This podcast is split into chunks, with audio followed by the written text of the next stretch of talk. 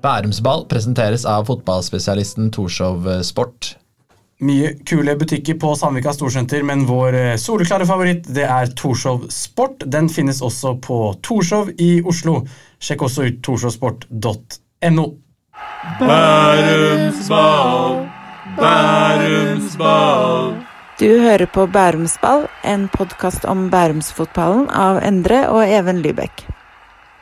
Og Tom Stenvold. Tom Stenvold. Tom Stenvold. Tom Stenvold. Oi, oi. Dagens gjest endelig på plass her. Velkommen til Tom Stenvold. Tusen takk. Jeg trodde englerne fans. Når jeg synger den låten, Tom, da smiler du litt, og det skal vi ta med oss videre. Men uh, hva tenker du når jeg synger 'Da englerne er fans'? Nei, det er jo nasjonalsangen for meg, det. Det er bra. Den skal vi ha mye moro med utovers. Eh, Takk til Ole Ivars, Endre. Du kan ta oss litt videre. Endelig på plass her, eh, Tom Stemmo. Dette har vi, dette har vi venta, venta lenge på, for du bor jo ikke her i Oslo omegn eh, til vanlig. Du bor jo da i, på Andøya. På Andøya. på Andøya og har kommet hit bare for å være med i Bærumsball. Det setter vi veldig pris på. Det er, du er jo for en annen grunn. Kan du ikke fortelle litt om det? da? Jo, altså jeg jobber jo i Fotballforbundet, og vi eh, skal ha en samling nå inn imot uh, helga her med, med landskampavslutning, så da passa det fint med podkast, men det var, eh, det var veldig hyggelig å bli invitert. Det kan jo være at noen hører denne i juli, august, september, men det er da denne helgen hvor det er Norge mot Skottland Ja, på uh, Ullevål. stemmer. Så da, mm, da har vi den klart. Ja, Hvordan uh, går det med deg ellers om dagen? Hva er det du driver med? Jeg har det veldig fint. Eh, Det er eh, mye jobb eh, gjennom NFF nå, da. Eh, Som kretsansvarlig trenerutvikler, det er hovedvirket mitt. Eh, I tillegg så er jeg veileder på et eh, av topptrenerutdanningens kurs som heter UFA. Eh, Og så driver jeg litt smått med forskjellig eiendom og slikt moro. Så har rett og slett uh, etablert deg der hvor du uh, vokste opp før du kom til Stabekk. Ja, det er riktig. Jeg bor på Andenes, som er hovedstaden på Andøya. Eh, Og eh, der har vi det veldig bra, jeg og familien. Så vi har fått inn eh, spørsmål fra Ja, det er vel kanskje noen familie her, Even? er ikke det? Jo, eh, det er jo eh, da Selma Stemvold som spør hvor mange planter har Tom Stemvold i huset sitt. En, en formell måte å spørre på. Ja, Selma bør jo vite det. Hun er jo dattera i huset og har jo vanningsansvaret. Så, eh, nei da. Men vi har en del planter, altså. Vi gikk ut av amok under coviden og tenkte at det var hyggelig med litt eh, blomster. Og det, da var vi oppe i 71. Men så eh, har det vel roa seg litt eh, nå, da. Det må sies. Er det sånn da du, Det er ikke sånn du ringer hjem på FaceTime nå i helgen og spør eh, Film, eh, hvordan går det med deg? Bra. Ja, men eh, film med plantene mine, det må passe på. Nei, ikke nå. Jeg gjør ikke det nå, men jeg gjorde det når jeg bodde i Oslo i to år eh, når jeg trente Lyn. Da, da måtte jeg ha oppdatering på hvordan det gikk med Monsteran og Calatean og diverse. Hva er det viktigste å passe på når man skal eh, behandle blomstene med verdighet? Det er lys og, lys og vann. To store? Så er det jo også et brillespørsmål vi må innom. Er det Steinar Gren eller Green? Gren, ja. Gren Hansen, tiltaksleder Norgejenter 16 fra Lofoten, spør har han kontroll på brillene sine, og da ligger det en liten historie bak, eh, som vi vet. Ja, det gjør det. Eh, Steinar er for øvrig en eh, hedersmann fra Balstad som ikke får nok heder, egentlig. Men Steinar ble min løpegutt på et tiltak vi hadde oppe i nord, hvor vi hadde hatt et hyggelig lag eh, kvelden før, og jeg våkna opp og fant ikke brillene mine. Eh, jeg ringte Steinar og spurte om det Jeg trodde jeg ringte Steinar i hvert fall først, men det, da ringte jeg feil, for jeg så ikke hva jeg trykte på. Så da dro Steinar ned på det stedet vi hadde vært og lette etter brillene, men der var det ingen briller. Så når jeg rista rundt på dyna, da, da, da var faktisk brillene der. så det var litt flaut. Ja, la oss, eh, la oss gå til starten her, eh, Even. For um, du er jo en Stabæk-legende for, for veldig mange. Og oss. Og for oss, ja. Vi har jo vokst opp med å se Tom Stenvold Tom Stenvold på Nadderud. Selv om våre røster de bar ikke helt opp på de høyeste Stabæk-supporternivåene der vi satt på juniorsupport og prøvde å være med på den sangen der. da. Nei, det var vel eh, Jeg har jo sagt det flere ganger før òg, men eh, det kan eh, Det var nok mikstribunen og kiosken var nok viktigere for meg enn Endre, som var mer glad i fotball da. Men jeg husker jo også Tom Stemann. Ja, jeg gjør det. Men hva, den sangen, hvordan syns du om den egentlig? Jeg synes den, Vi har jo tulla så mye i familien den opp igjennom. Hvis vi, Da du tok over Lyn, eksempel, så var det sånn, så var det bare sånn Oi, ser du hvem som har tatt over Lyn? Og så var det sånn Tom Stemann, Tom Ja, ja. Og jeg, hvis jeg har ringt deg for noen sitater, så har jeg vel i hvert fall tenkt rett før jeg skal si hei, at skal jeg dra på med den? Men kan vente litt. Spare det til uh, podcast. Ja. Nei, altså det er vel eh, så må jeg, må jeg si hva jeg syns om det. Altså, jeg syns det, jeg det er veldig hyggelig, da. Jeg, jeg var jo her på en stabbekamp i, eh, i eh, fjor høst. Jeg var her nede med Lyn, og da, da når jeg tok T-banen tilbake fra, fra Bekkestua inn til byen igjen, så var det noen Stabæk-supportere som dro i gang den. Det, det var eh, litt flaut, men samtidig utrolig hyggelig å bli huska. Så det er, det er bare stas. På T-banen, altså. På, Ja, på T-banen. Går du da opp og liksom vinker og hei, hei, takk for Dere husker hva jeg gjorde? Eller er det litt sånn Hvordan reagerte du da? Jeg, jeg, jeg gikk vel bort og sa hei, istedenfor å kjøre klappen og vinke. Ja. Det er ikke, no, ikke noe stjernenykker her, da. Altså T-banen inn til byen etter kamp. ja, tenker jeg altså det, Hvorfor skal man være stjernedykker? Nei, det er han kjører kollektivt. Ja, Det passer jo veldig godt Smart. med alle, at vi har hørt og lest om det. Altså, at det er ikke noe en jordnær, eh, seriøs, eh, fin fyr. Så det passer jo godt overens med det. Så det var et fint eh, eksempel. Men ja, fra, fra Andøya til Bærum. Hvor gammel var du da da du kom hit første gang? Jeg var 16 eh, da jeg begynte på topp- toppidrettsgymnaset i Bærum. Eh, Jeg søkte jo drømmen om å bli fotballproff, det var jo det som var, var målet. Eh, Og så vel at det var flere muligheter hvis jeg prøvde det her nede enn å være igjen på, på Andøya akkurat da, da. Så det, eh, det må man kunne si var et bra valg. Ja, det var jo det. For, men også så er det litt sånn Det er jo et stort steg da å flytte så langt. Men du hadde vært på en, eh, en talentleir på Porsgrunn, så du var jo et bra talent da du var litt yngre. Og hadde jo på en måte noen indikasjoner på at uh, det her kunne kanskje være en lur ting å gjøre. Ja, vet du hva? Vi, vi var et uh, utrolig sterkt kull. 78-kullet? eh, 78-kullet på Andenes. Uh, hvor vi var flere som På den tida så drev vi med flere sporter. Vi spilte håndball om vinteren, alle sammen. Vi spilte fotball om, om sommerhalvåret, på en måte. Nå er jo fotball blitt en helårsidrett, så det, det er litt vanskelig å kombinere med mindre du, du er med fullt på begge. da. Eh, Men eh, jeg valgte, å, valgte å, å dra ned selv om vi hadde et ganske sterkt miljø der oppe, for det var jo flere som søkte utfordringer eh, andre veier enn fotball. da. Eh, Og jeg var vel kanskje heller ikke det største talentet på, på Andenes når jeg vokste opp. Det var eh, en annen som var det. Eh, som het Christian, som eh, definitivt var et større fotballtalent rent teknisk, teknisk og taktisk. Men eh, jeg var vel kanskje den som var sjukest i huet og ville mest. Og det, det fikk man jo betale for. Ja. Og så kommer du til her, og så var det et lite prøvespill i Vålerenga først. Ja, eh, jeg flytta jo ned 94. Jeg mener det prøvespillet måtte være i 95, så det kom jo veldig, veldig kjapt eh, gjennom han som var eh, sportslig leder eller sportssjef på NTG, da, Tor Todesen. Eh, jeg mener han jobba i Vålerenga da, faktisk. Eh, så det var litt sånn det kom, kom i gang. Og da var det en liten uke der for å få hospitert. da. Det var kanskje ikke et prøvespill, det var mer en hospitering med, med, med eliteserieklubben Vålerenga. Ja. Det var jo hyggelig, men eh, det, det ble ikke noe da. Eh, Det ble desto hyggeligere litt senere, når jeg kom til Stabæk. Ja, for det vil kanskje mange av de som eh, hører på Even tenke at åh, det var bra at det ikke ble noe der. For da hadde du ikke visst det her mest sannsynlig i dag heller. Nei, da hadde vi hett noe annet, kanskje, men eh, Ja, vi, vi liksom Hva fra, fra du Hvordan var det å flytte hit alene? Du kommer fra et ganske lite sted. Mm. Eh, hvordan var det for deg i den alderen hvor man kanskje er litt ung og usikker og får hår her og der og ja, er i puberteten, da? Jakta en drøm, gjorde du vel, da? Ja, det var jo det. Nei, altså, det var jo Jeg var jo veldig målbevisst.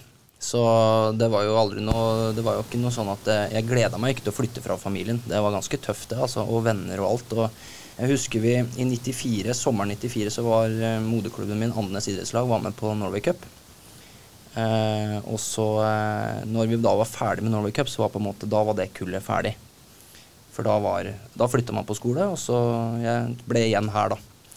Eh, og det husker jeg var, det var fryktelig trist å dra fra gutta som man har vokst opp sammen med, og som har drevet meg hele veien. og som jeg, jeg kjenner når jeg prater om det, blir litt rørt, faktisk.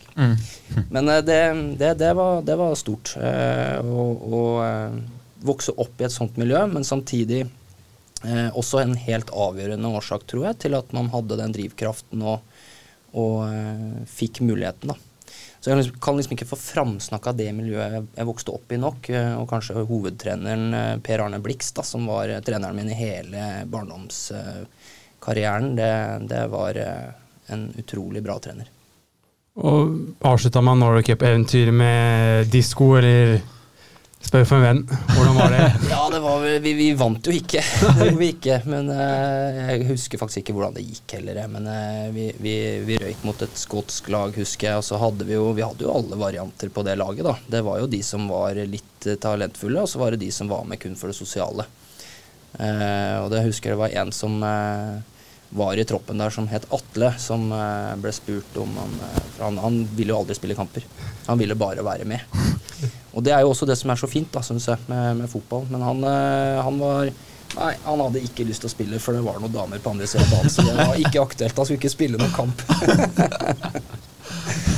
Ja, vi snakka vel om det Even, i altså, Norway Cup eh, før. var litt sånn da var det, Du kunne dra opp til å se en del ganske gode spillere, og plutselig var det vel et år med Flamur Kastrati som spilte og gjorde det dritbra, og så var han ønska av Chelsea eller gikk dit på prøvespill like etter, men nå er det jo alle sto, det er ingen storklubber lenger nesten på Norway Cup. De drar jo på elitecuper i Italia og Spania, og du får ikke så mange av de stjernene. Det er mest eh, breddeklubber på Norway Cup eh, nå.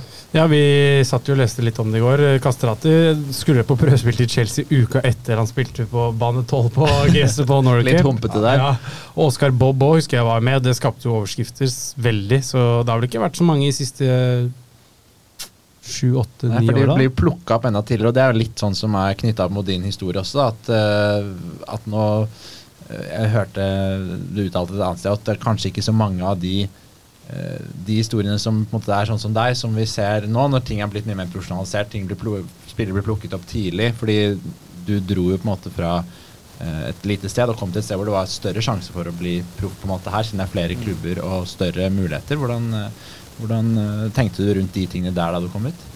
Ja, men det var, jo, det var jo årsaken til at det flytta ned, egentlig. Fordi at eh, her nede var det flere klubber og større muligheter. Eh, og jeg, jeg Det er jo dessverre eh, Dessverre. Ja, det er dessverre litt sånn at eh, flere spillere søker inn i sentrale strøk fordi at det muligheten er større for dem senere. Og det, sånn er det nok, dessverre, også for eh, den breddefotballen som jeg nå er en del av oppe i, oppe i Hålogaland eh, som kretsen heter. Eh, og det er eh, eh, Vi ser at eh, ungdommer drar tidligere for å søke lykken et annet, bedre sted. Så det er en stor utfordring for breddefotballen. Men du kom jo inn i toppfotballen i Stabæk til slutt. da, og Var vel først en del av en rekruttgruppe der, før du tok eh, steg opp på A-laget etter hvert. Eh, for da var det en rekruttgjeng med spillere du skulle spille litt med senere også, var det ikke det? Jo, eh, nå må jeg tenke meg litt om, men jeg, jeg skrev jo kontrakt, første kontrakten i 96, eh, sent 96, og hadde da 97-sesongen som den første sesongen eh, i Stabæk. Og det var jo rekruttgruppa til å begynne med. Mm. Og da var det sammen med spillere som f.eks. Thomas Finstad, Andreas Hauger Faren, er det faren til Henning Hauger? eh, Nei, det er broren, Broren, ja. til og med. ja. Ja. Eh, og eh, disse ble jo da, alle de tre, Thomas, Andre, Andreas og jeg, vi ble tatt opp i avstanden eh, til sommeren der, mener jeg. Eh, kan hende Thomas ble tatt opp enda litt tidligere. Så eh, da var vi på en måte en del av avstanden da, i sommeren 97. Og så kommer vi da eliteseriedebuten. Tre kamper eh, i 98, altså ditt første år som senior. da. Mm. Hvordan, eh, hvordan var det å ta det steget helt opp? Måte, altså, du har jo egentlig nesten oppfylt drømmen litt. Du hadde jo ikke etablert deg på laget som 20-åring i 98, men du kommer opp på det øverste nivået i norsk eh, fotball. og ja, Det var litt derfor du kom hit, vel? Ja, det var jo det. Så det var jo, en, det var jo selvfølgelig en stor drøm som gikk i oppfyllelse, bare å få, få muligheten til det. Men eh, jeg var jo en Dette har vært litt mitt mantra hele veien. altså Jeg er aldri 100% fornøyd med, med ting jeg har gjort eller ting jeg gjør. sånn at eh, jeg, jeg, klarer å glede meg over gode prestasjoner og gode resultater og måloppnåelse og alt sånt her, men jeg tenker at hva er det neste? Eh, så når jeg fikk den A-kontrakten og fikk eh, trene med de beste spillerne i, landet Vi tok jo bronse og fikk cupfinale allerede første året i 98, liksom. Eh, så, så, er jo det veldig spesielt, og det er jo gode spillere. Det, det, var vanskelig for meg å konkurrere meg inn på sentral midtbane, noe jeg spilte på gjennom hele oppveksten. Så man ble jo omskolert til back og litt kant, og man var vel litt innom de fleste posisjonene etter hvert. Tommy Svindal Larsen du konkurrerte med på sentralt der, eller? Ja, Tommy Svindal og Aksel Kolle, Jesper Jansson og litt eh, Tobias Linderoth kom inn etter hvert. Og, Andresen, vel? Martin Andresen. Lars Joakim Grimstad var jo der. Mm. Tommy Stenersen var vel òg der. Ja, han, han, brukte å spille mer back på den tida der, tror jeg. Mm. Ja. Det er ikke noe dårlig navn du konkurrerte med, da? Nei, det er eh, voldsomme navn, men uh, først og fremst fantastiske typer. Mm. Veldig bra folk, altså. Mm. Ja. Jeg må spørre det du sa nå med at du liksom alltid søkte etter mer og liksom aldri, eller sjelden kanskje klarte å ta det helt innover deg. Det blir kanskje feil å si angrer du på det nå, men har du klart det litt senere i karrieren, da dere vant serien 2008, eller har du alltid liksom hatt den driven, og har du kanskje tenkt litt etterpå at søren, jeg burde kanskje satt meg ned og nytt virkelig da jeg fikk debuten, eller? Ja, kanskje. Eh, men det var jo ikke det at jeg ikke klarte å nyte øyeblikkene. Eh, jeg hadde jo absolutt mange, mange, mange, muligheter til å både nyte og, og, og si, anerkjenne det som man var med på. Eh, men jeg eh, var veldig snar om å snu meg igjen og så søke neste, da. Eh, og det tror jeg jo kanskje har vært en av årsakene til at man ble i Stabæk også så mange år. fordi at jeg var jo aldri den spilleren som kall det var, var fast på laget. Jeg husker alltid at når jeg når jeg hadde spilt en god kamp f.eks. som venstre bekk eller venstre kant, så så man jo i avisen at treneren eh, søkte en ny venstre back eller en venstre kant. eh, så man, man, eh, ble hele tida pusha i en retning, og det, det bare trigga meg mer, egentlig. Ja, For det ble vel 14 sesonger totalt. Du kom i 96, eh, og siste kamp i 2010. Mm. Um, Vet du hvem som har flere kamper enn deg i Stabæk gjennom tidene? Du er ganske høyt oppe på maratontabellen, men det er noen som er foran. Nå av de allerede nevnt her. Ja, du er femteplass. Altså, jeg vet jo at Morten er jo der. Ja, nummer én. Eh, Jon er nok der. To. Eh, Flem er nok der. Ja, han er, Hvis mine kilder stemmer, han er litt under. Holter, da, kanskje. Holter over, og så er det én til over, som du nettopp nevnte. Eh, gjorde jeg det, ja. Um, som ikke har så mye hår på hodet. Og du ikke spilte da midt, som jeg tar feil fra meg. Ja. ja. riktig. Det er bra på, på herresiden, da. Det må presiseres. Og så er du en uh, damespiller som du Ja, du møtte vel henne her i stad, som også har ganske mange kamper for uh, Stabæk? Ja, det må jo være Siri, da, sikkert. Ja. ja hun uh, er jo veldig høyt oppe på antall kamper. Ja. ja. Dere kan vi spole litt fram til en, et dobbeltoppgjør. Ja. Vi har jo sjekket Dette var i 1999. Stabæk starter med å slå Deportivo la Coronia eh, 1-0. Um, ehm, Deportivo mye bedre da enn Nå er det jo langt nede å røre, men det var et storlag på den tiden. Ja, det laget der. Mauro Silva som vant uh, med Brasil og var kaptein av. Pauleta. Ja. ja. Roy Mackay, en legende for mm. uh, oss. Og så har vi jo Eurogoals-legende. Ja. På, ja, det stemmer det. Uh, først og fremst, Tom, 4-4-2 Stabæk. Klarer du, er du for Mange melder at du er helt enorm på husk. Hva sier du det? At du husker ja, det, er du, jeg vet Har vel skjedd noe?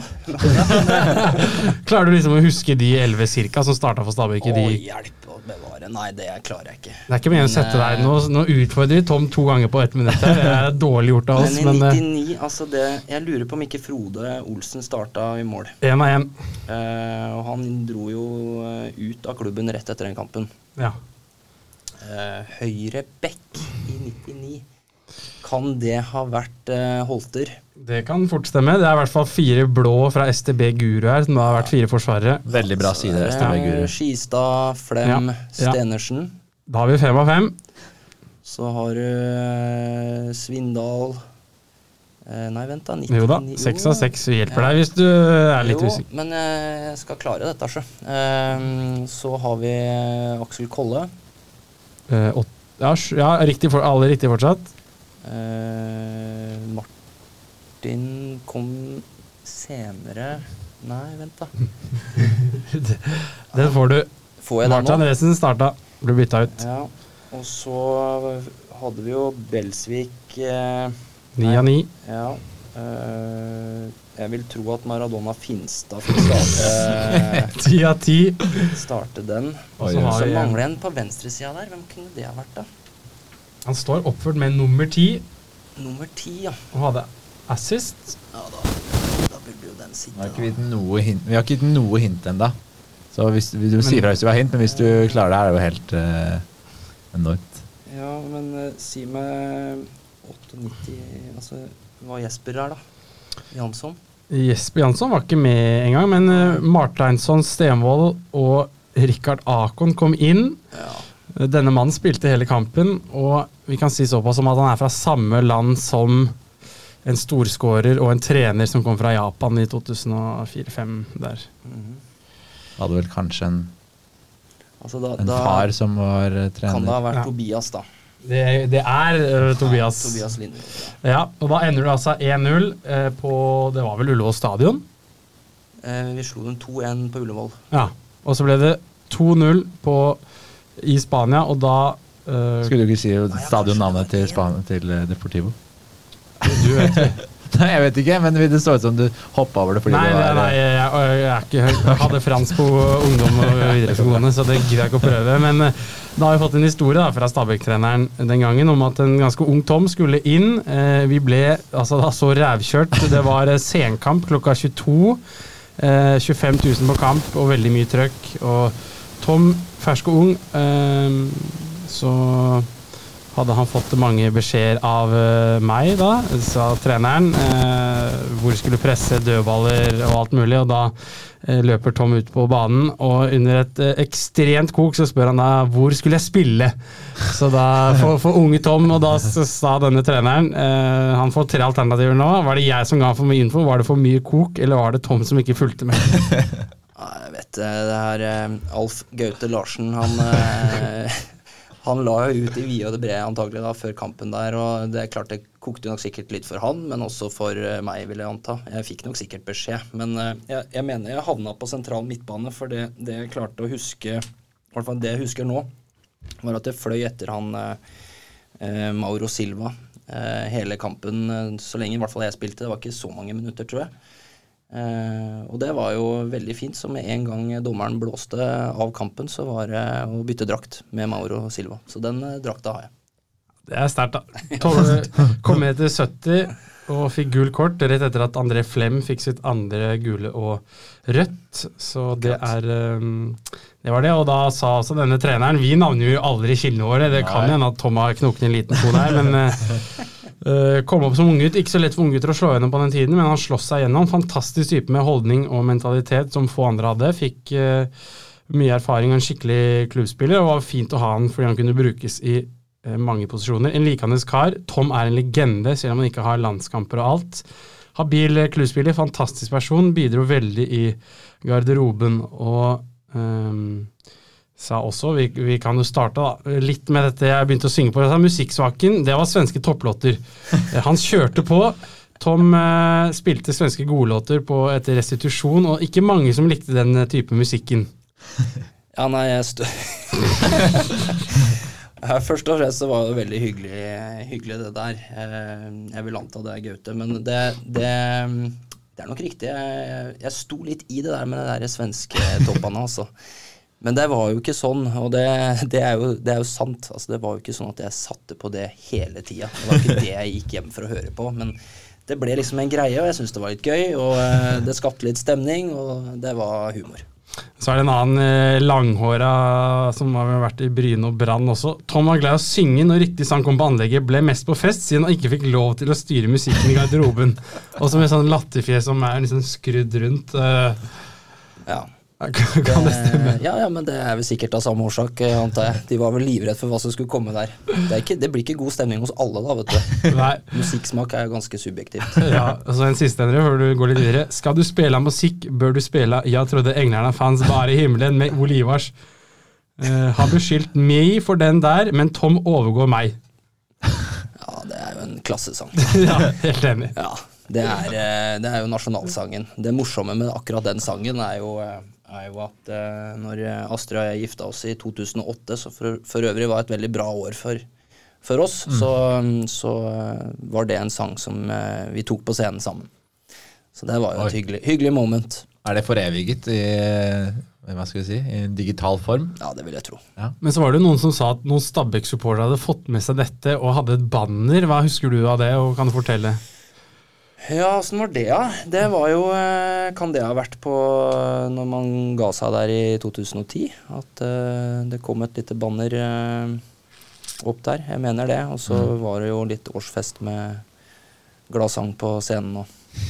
Det var da ja, Nå er det jo øh, sendt en øh, Jeg tror de hadde fått det med seg, så hadde de en, et, et banner i 2009 hvor det sto 'Englerne fans kom tilbake', eller noe sånt. Og så sto det i hvert fall en Bustik-artikkel fra 2008 at det var en av grunnene til at du liksom tok et siste år.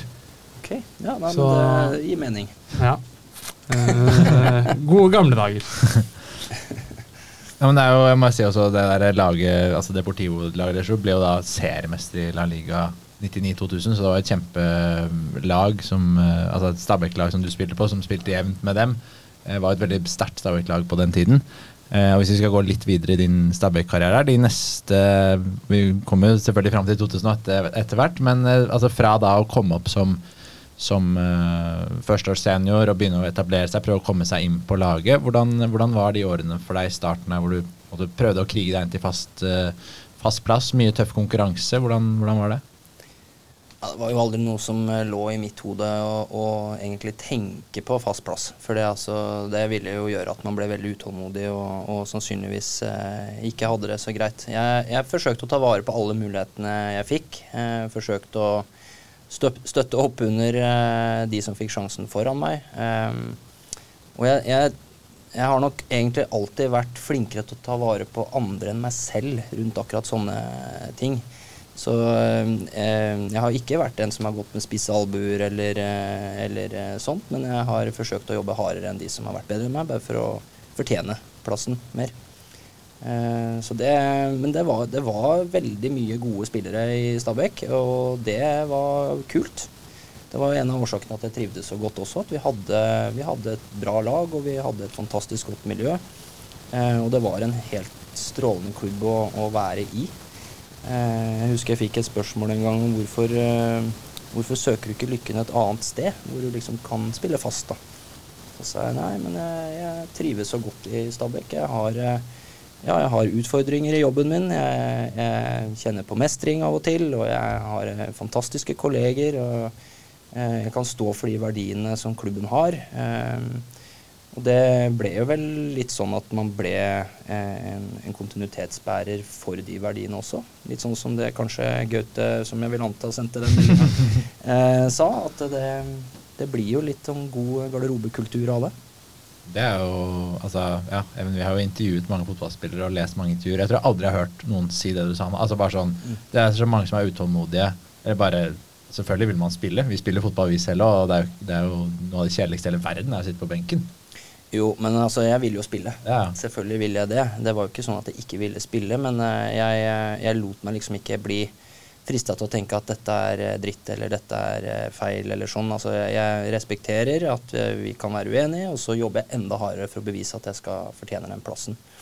Uh, og det, det gjør jo noe med at ok, da pusher jeg faktisk de beste, og hvis ikke de uh, står opp da, så får jeg sjansen, da. Jeg får som fortjent. Det er jo også en, en litt sånn viktig greie, tenker jeg. At ikke man skal tro at man får noe før man fortjener det. Eh, så det er kanskje også et budskap eh, ut herfra. Da, at man, eh, du, du må jobbe hardt for å fortjene å få, eh, ikke bare forvente å, å få det. Ja, for, for vi har gått gjennom altså Du hadde jo da flere kamper som ubenyttet reserve og som innbytter enn fra start gjennom gjennom din Stabæk-tid. Var det sånn at du hadde en dialog med treneren at det var sånn Ok, Tom, du er, du er ikke i elveren, du må krige for å få det til? Eller var det bare sånn underforstått at eh, ja, jeg er, rett, eh, jeg er rett bak, jeg må krige skikkelig for å spille? Nei, vi hadde ikke noe agreement på det. Eh, Jeg var alltid veldig sugen på å starte kampene. Og ble skuffa selvfølgelig hvis ikke jeg starta. Men det gikk veldig fort over, for jeg måtte ta vare på muligheten når jeg kom inn, og det, det er viktig. Fordi at fotballkarrieren er kort, relativt i hvert fall. Og så eh, hvis du, hvis du skal gå gjennom en karriere og bli skuffa over for lang tid, så tar du ikke vare på dagene som fotballkarrieren gir deg. Så du, du er nødt til å um, stå på når du har mulighet. Mm.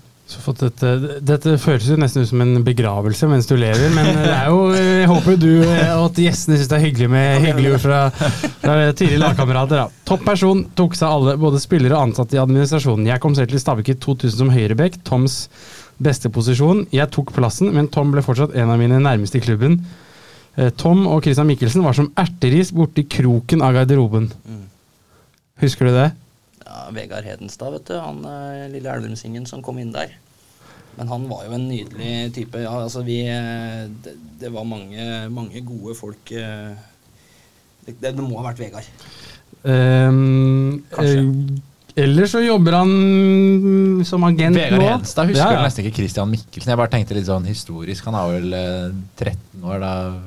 For her, kom, år da. her kommer det et nytt hint. da. Samarbeidet mellom Holter og Tom på venstresiden var en nøkkelfaktor da vi vant bronse i 2003. Tom som venstrekant. Han kan, han, det kan hende han selger spillere på, som jobb nå, jeg kan ikke si noe mer enn det. Men det spilte i Stabæk og kjent der lenge. Du kan ikke si det, nå nei. Vi tar det på bakrommet etter episoden. Det er gode, gode ord her. Ja, da. det er veldig hyggelig.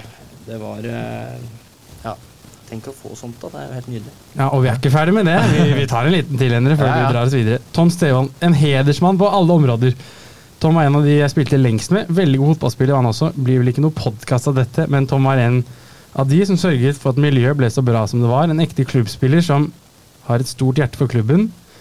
Ehm, også en vi har vært litt innom, så det er eh, bare gode ord å si om eh, Tom. Og det, det er vårt inntrykk nå også etter en halvtime eller endre. Ja, det, det Enn så lenge. Det vil jeg absolutt, eh, si at det er. Og det er jo også noen hendelser vi må gå gjennom da, fra din tid i Stabæk som, som gjør at supporterne på en måte trykket deg litt sånn ekstra tett i brystet. Du var jo en kontinuitetsbærer, som du sa. Og så er det noen Det ble ikke så mange skåringer, men noen av de er jo på en måte litt sånn legendariske. Og spesielt så ble det kjent som Rosenborg-dødaren. Da var det vel først i 2003, i 6-1-seieren der, som kamp som var med i kåringen av en av tidenes Stabæk-kamper i en sesong hvor dere tar eh, bronse. Hvordan, eh, hvordan husker du det? Kampen Ja, der, det, var, det var en helt uh, absurd opplevelse, egentlig. Fordi, ja, i tillegg, altså, det var jo De hadde jo et kjempelag.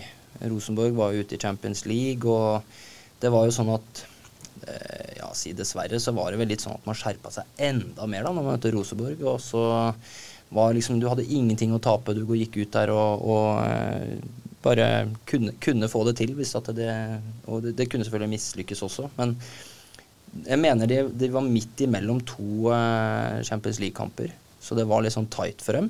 Så det var jo en veldig god mulighet for oss. Eh, og så smadra vi det fullstendig. Og vi, jeg tror vi leda 3-0 etter tolv minutter eller noe sånt nå. Mm. Eh, og så uh, skåra vi vel 4-0 rett før pause, mener jeg. Og så kom vi inn i garderoben, og da, i pausen der, så husker jeg Gaute sa eh, Nå skal vi ut og jage fem og seks. Og jeg bare tenkte, sa han virkelig det? Sa han virkelig det? Men selv om vi leda 4-0, ja det var 4-0, selv om vi leda 4-0, så, så følte vi liksom ikke at det var, vi var trygge på at vi skulle vinne kampen. Det var, for det, du visste jo det som Rosenborg får det der godstoget sitt i gang, så, så, eh, så kommer, kan det jo smelle inn et par, og da ja, ok, så, så er det kamp igjen, liksom. Men eh, det var jo helt fantastisk å dra derfra og, eh, og vinne 6-1. Men eh, jeg husker også at det ble ganske stygt uh, takla av eh, Ørjan Berg i den kampen der. Jeg hadde ankeren i en posisjon som jeg har sett på bildet etterpå, som ikke ser spesielt hyggelig ut. Så jeg ble vel bytta ut eh, i løpet av andre omgang der. Det som er morsomt, da, er at Gaute Larsen sa jo Ja, nå eller, jo, En En tidligere annen. trener. sa jo, Han nevnte akkurat det her, at, um, at, uh, at de hadde snakket mye om uh, ulike scenarioer på forhånd. Og at han tydeligvis da hadde sagt i pausen at uh, å lede 4-0 det er ikke et forberedt scenario. Dette hadde jeg aldri sett for meg i min villeste fantasi. Og så sa han også jeg må bare fortsette, og så sa han da at vi må bare fortsette å ikke bli feige, og at mange liksom lurte, skjønte ikke helt det. da. Men han har sagt at jeg har sett for meg alle mulige scenarioer, men ikke 4-0 borteledelse til pause. Nei, det, men det kan jeg skjønne. Det var ikke så mange som så for seg det. Og eh, det er jo ganske vilt å, å se disse spillerne, og for så vidt eh, trener, mener det var Kan det være Var det Åge Hareide Ja, som trente? sa, ja. det? Som eh, sto på benken der, og det, det ramla inn mål, altså. Det var, nei, det var helt vilt. Og så var det jo, eh, Hvis vi skal bare forts- fortsette på Rosenborg-spor her, så var det jo tilbake selvfølgelig året etterpå Lerkendal. eh, I en litt eh, tyngre Stabæk-sesong, for å si det mildt. Men, men da skåra du, du igjen. Var det sånn at du da For man tenker jo sånn, i hvert fall når jeg kommenterer kamper, eh, så er det sånn Du jobber i TV 2?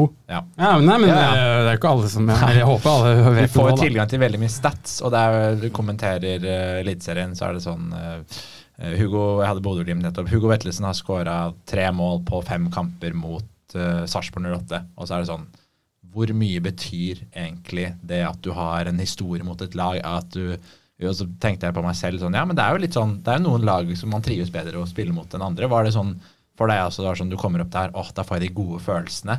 Eller var det noe sånn mentalt opp mot Rosenborg for din del? Det er, jo, det er jo helt sikkert tilfeldig, da. Det er det nok. Men jeg var jo ikke redd for å møte dem. Eh, og jeg trigga, ble sannsynligvis mer trigga av å møte de beste, så eh, Kult å skåre mål, eh, men det skjer jo mye annet i den kampen der, sant? så det, måla betyr jo litt. Men eh, det skjer jo veldig mye annet eh, kult i de eh, kampene mot eh, Rosenborg. Um, ja. Men det som, det som var litt spesielt med den 04-kampen der, det husker jeg i hvert fall, det var at vi Vi slo dem jo der, og så av en eller annen merkelig grunn så mente vi at vi hadde da vi, vi har en god sjanse til å holde plassen. Eh, så vi gikk jo ut og spiste og hygga oss etter kampen i Trondheim. Eh, og sto og ropte 'Rosen Kål' på eh, en restaurant istedenfor 'Rosen Borg', som de driver og roper. Når, Veldig når kreativt. ropa. Ja, det var, men dette var nok Ingebrigt som dro i gang eh, i, et, eh, i et bra øyeblikk, må vi kunne si. Så, så gikk vi på en storsmell mot Vålerenga da, og så var vi jo nede. Men det er kanskje det viktigste som skjedde med Stabæk eh, i denne epoken av, eh, av Stabæk-historien. Det var at vi rykka ned, faktisk. Eh, for hvis vi hadde holdt plassen, så, så er jeg redd at eh, ikke vi hadde fått de gode sesongene etterpå. Så det, det, var, det var en viktig strategisk eh, greie å rykke ned i 04. Få et, eh, et eh, knallår i Adecco i 05, og så er det jo historien deretter. Ja. Ja.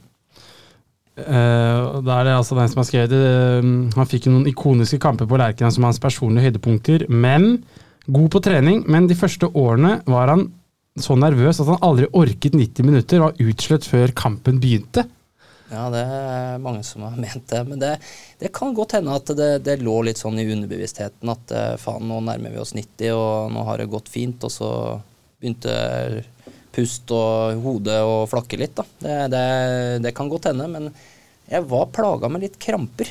Eh, og jeg hadde liksom ikke noen begrensning på løpemeteret. Jeg bare dundra på eh, og var nok, i hvert fall i starten, litt sånn uh, ung og dum og løp på alt.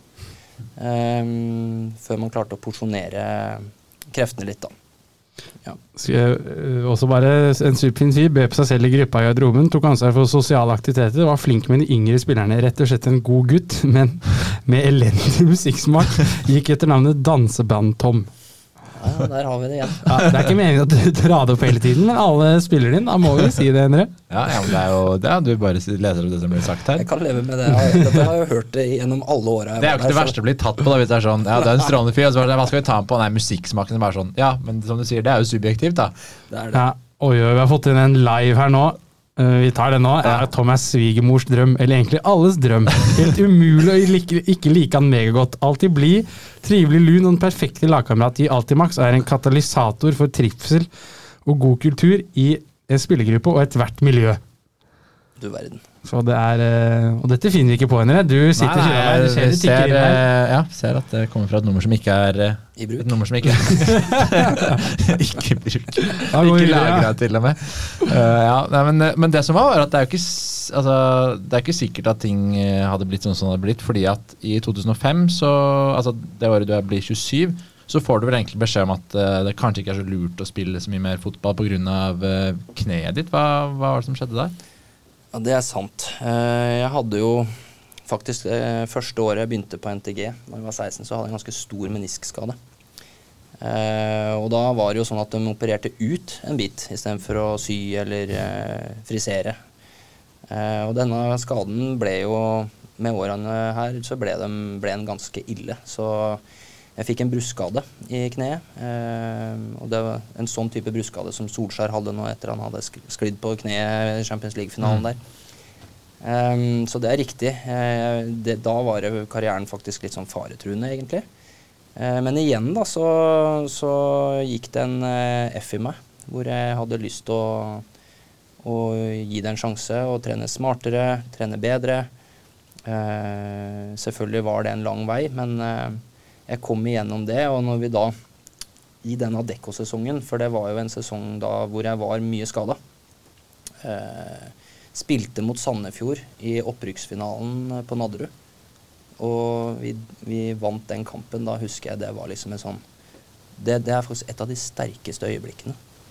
For da, da var man jo kommet tilbake fra skade, og vi visste at historien ble annerledes nå, for vi hadde rydda opp i spillerstall, vi hadde fått en sterkere kultur, vi hadde et lag som virkelig kunne konkurrere på øverste nivå fra da 06-sesongen i Tippeligaen, med enda flere forsterkninger som kom inn.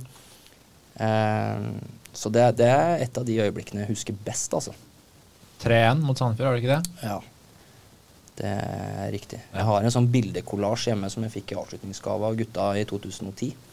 Og det ene bildet er når jeg eh, Veigard skårer eh, Jeg tror det er siste målet, 3-1, ganske sent i kampen. Hvor jeg omfavner den og roper ja, for det, er i hvert fall en stor A i det, i det brølet som er på det bildet. Eh, og det er et ufattelig sterkt eh, øyeblikk. Ja, den matchen ligger her, da. 2-1, står det. Ja, Hele, jeg tror hele sendinga faktisk ligger ute på YouTube. Jeg satt og i en researchfase her satt og så på den, altså hele sendinga fra TV2. fordi det er ikke så ofte at TV2 Jeg vet ikke om det er Sebra, men det er ikke så ofte at de viste Adeccoligaen. Nei. Eh, for det var jo en stor kamp. Det var jo en opprykkskamp, som du sa, da. Ja. eh, Som ble litt definerende ja, for både Stabæk og, og deg. Men ja, menisk det er jo litt sånn Eller brusk, der, jeg, jeg slet med det selv. Det, det var jo sånn det kan være at uh, det går bra. Jeg opererte jo, da, uh, og det gikk bra. Men så sa de det kan være at uh, det ikke går bra. At det er litt sånn det er, eh, og, og det er ganske avgjørende scener for å spille, kunne spille fotball. Da. Jeg vet ikke, Opererte du, eller? Jeg opererte, ja. Ja. Ja, det gjorde jeg. Men eh, de, eh, da, da tok de eh, for så vidt bare og friserte da, og så sa de at den brusbiten kan få slite seg fin. Ja. Eh, men jeg hadde en operasjon etter det igjen, og da var det hun samme eh, sykepleieren faktisk som eh, var med på eh, oppvåkninga mi etter narkosen. Eh, som da hadde den i 2005 der, og hun sa det at Tom, nå vil jeg ikke se deg her igjen. For neste gang så er det protese, så ja. Eh, jeg tar hintet. Um, året etter tilbake i Eliteserien. Da er det også noen uh, fine um, punkter uh, her. Um, bortekamp mot Lyn, som senere skal bli din arbeidsgiver som uh, trener. da. I VG-saken Berg raser mot Stabæk. Stabæk-filming. Lyn Stabæk 1-4, altså dere vinner 4-1 på Ullevål. Og så sier Henning Berg med en kraftig sarkastisk, ironisk eh, tone, får vi si. da. Store, sterke Tom Stenvold kaster seg ned som han må ha skutt. Han skaffer Stabæk straffe og får en spiller utvist. Jeg er utrolig skuffet. Det var ikke pent. Ja, denne, denne situasjonen har jeg jo fått høre ganske mye om nå når jeg var i Lyn også, så det Jeg klarer jo å huske situasjonen. Det var jo en, det var jo en kamp Altså, Lyn var jo bra. Mm. Lyn var veldig gode. Eh, Men det var vi òg. Vi hadde vi hadde vel et lite moment i kampen der, og jeg husker det var eh, Jeg mener det var Christian Onsdag som var i ryggen min. eh, Jeg lurer på om det var han som Direkte rødt. eh, Mm. Ja. Stemmer det. Senere Stabæk-spiller. Men jeg kjente jo at han var, han var i ryggen min. Selvfølgelig er jeg overspiller nok der, ja. Mm. Jeg må innrømme det. Og 17 år etter kom innrømmelsen. at det overspiller, ja. Men det er en dytt i rygg. Så det var jo uklokt av Christian Flittig Onsdag, for han hadde jo eh, Jan Jønsson han sa alltid det. Aldri gi dommeren muligheten til å blåse. Og der gir Kristian dommeren mulighet til å blåse. Sånn, ja, ja. Eh, og da, da falt jeg. Ja. eh, og fikk straffe, og Kristian rødt kort. Og det er eh, dumt av Kristian, eh, heldig for meg og bra for Stabæk. Og også samme året, eh, siste kampen vel, mot HamKam, tror jeg det er. Hvor du skårer et uh, veldig fint mål. Uh, og det må jeg altså si Det var en veldig sånn uh, Det er jo noen andre ting som skjedde her òg, men den feiringa altså etterpå er utrolig kul. For det er sånn I dag er det mye, mye rare varianter, men det er sånn her klassisk. Det kunne vært en feiring fra 1890, liksom. Det er bare sånn én hånd opp i været, løper rett bort til fansen. Ikke noe fiksfakseri, ikke noe tull. Bare sånn Yes, jeg har scora. Ja. Og så var det jo også litt spesielt fordi at uh, både Vegard Pall Gunnarsson og Daniel Nanskog kriga om toppskårertittelen. Ja, Ja. morsomt å høre Toms versjon, høre men ja, hvordan, du, du hvordan du husker alt det rundt det da. Fordi det var jo ikke så altså, Dere spilte jo ikke for å holde dere eller for å klare gull, liksom, men det var, det var det alle snakket om. Fordi Vegard Pall Gunnarsson sto der med 18, og Daniel Landskog med 19 skåringer. Ja. Eh, det var, et- kan det stemme at jeg hadde to mål i den kampen? Du skåra to, ja. Ja, For jeg hadde et langskudd først. Ja, det var det den jeg feiringa du snakka Ja. om. Enorm scoring, da. Ja, den var jo ganske fin. Eh, og, den feiringa bærer vel preg av at man ikke har skåra så mye mål, kanskje. Men eh, den scoring nummer to der, så er det riktig sånn som du sier, og det der ble en greie. Mm. Eh, Veigard var fly forbanna etter kampen at ikke jeg skjønte at han måtte få det målet eh, for å komme på 1919, jeg mener det var 1918 i skåringer, Daniel Veigard. Mm. Eh, at de fikk delt toppskårertittelen. Altså, det var, hva er det du driver med, Thomas? Du må jo slippe den ballen. Jeg står på 1,5 meter fra målstreken, keeperen er runda, og, og Veigard Jeg må også spille ballen tilbake til Veigard, uh, som da keeperen egentlig kan komme tilbake og ta. Uh, det var liksom Veigards versjon, da. Jeg tenker at det er klart jeg må sette den. Jeg må sette den. Jeg forstår jo, jeg forstår jo at det var hyggelig for Veigard. Men det var litt hyggelig for meg, og det var litt, jeg, jeg må ærlig innrømme at jeg ikke så at han kunne fått den. Hva svarte du han da liksom etterpå? Akkurat det. Ja, okay. Ja, nei, nei, det, han, mente, han mente det var helt håpløst. Ja, for den scoringa ligger jo på YouTube, og mm, vi fikk jo også et innspill her. Altså Som du nevner det, da han, han her har da skrevet eh, Tom kan trille ballen til Veigar på blank altså gi Veigar toppskårertittelen med Daniel, noe han fortjente. Tom velger å klinke ballen i mål, løper rett forbi Veigar mens han jubler som bare det. Tror du ikke Tom tenkte over dette i dette øyeblikket? Og Du får spørre hvor, Tom hvordan han tenker og har det med seg selv nå. Trekker tilbake utsagnet om lagspiller. Ja, det er nydelig. Uff a meg. Ja, men hvor mange ganger var jeg i de situasjonene? Det er liksom Ok, kanskje burde jeg gjort det, men eh, jeg kan vel leve med at jeg satte den i mål. Ja, og denne, denne karen har også skrevet eh, Tom eh, tok veldig godt vare på oss juniorer når vi kom opp, ble litt mer grinete når vi tok plassen hans. Og så noen latteremojier. Å nei da! To utropstegn rett etterpå. Tom var som alle andre skuffa og forbanna lei seg når man ikke starter, men Tom satt alltid laget først. Ekte lagspiller. Altså da har jo da så sendte han videoen som han har sendt da, som jeg sa, trekker tilbake utsagnet om lagspiller etter skåringa di mot HamKam. Ja. ja, nei, det er hyggelige, hyggelige ord, da. Det må jeg si. Ja, André, så nærmer vi oss eh, snart gullsesongen. Ja da, kommer, den kommer nå. Da er det sølv i 2007, og så kommer jo 2008 som eh, som du sa var et eh, litt spesielt år, siden du gifter deg altså samme, samme år. Eh, og så er det et sånn eh, spesielt sånn, hva skal jeg si, sånn definerende kamp og definerende mål mot Fredrikstad på Nadderud her. Nydelig sol. Husker jeg satt der i ja, nesten baris, men det fikk jeg ikke lov til av uh, mamma. Uh, men det var kjempevarmt i hvert fall. Toppkamp. Uh, og dere kommer under 0-1. Snur, vinner 5-1. Du skårer mål. Det var litt sånn Da hadde dere vært inne i en litt dårlig periode før det. Tapt mot Vålerenga borte. Og det var litt sånn Ja, hvordan ligger egentlig Stabæk an? Men da er du med på en, måte sterk bidragsyter i den kampen, og som gjør at dere på en måte stikker litt fra Fredrikstad, som også var der. Hvordan, hvordan husker du det oppgjøret der, den kampen? Ja, det var, det var, jo, det var jo sånn som du beskriver det, da. At det var eh, Det var jo et race med Fredrikstad. Eh, og så mener jeg Fredrikstad gikk opp til 1-0 Mm. eh, på en corner Mm. først. Og så scorer vel jeg 1-1-målet rett før pause. Mm.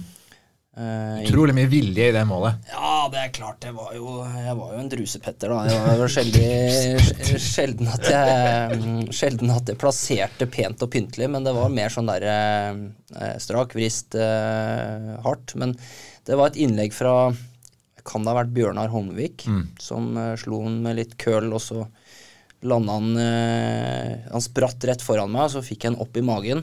Og så landa han perfekt til å liksom på vei ned, da. Det er en klassiker, at du tar ballen på vei opp, og da blåser du den opp på rad eh, 41, hvis det hadde vært stadion bak der, men det var jo ikke, så det var jo ut på gamle Ringeriks ja. der istedenfor. Men eh, den var på vei ned, Ja. og så fikk jeg planta den opp i, i nettaket der.